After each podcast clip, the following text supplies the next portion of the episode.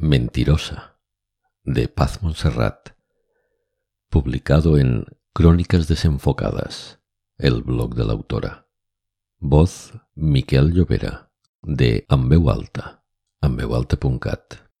Música Parangon Rack, de Scott Joplin.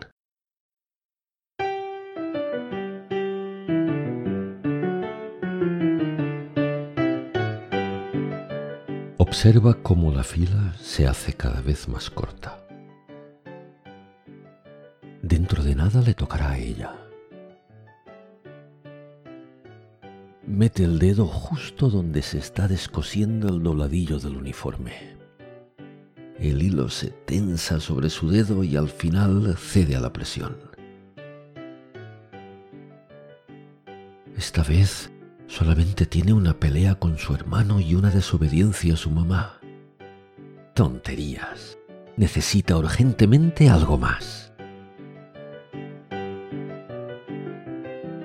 Se da la vuelta y sin que venga a cuento, le dice a su amiga que le han comprado un perro blanco.